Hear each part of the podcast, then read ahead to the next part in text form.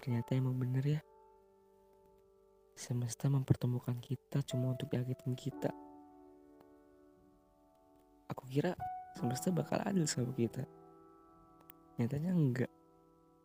Enggak sama sekali.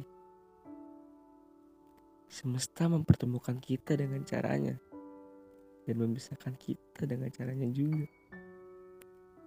Walaupun cara semesta memisahkan kita sangat aku benci.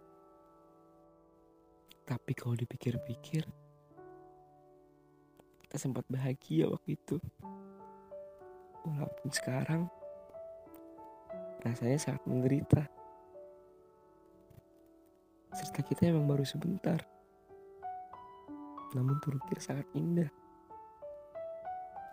Walaupun sekarang kita hanya sebuah kenangan manis yang gak pernah mungkin bisa aku lupain.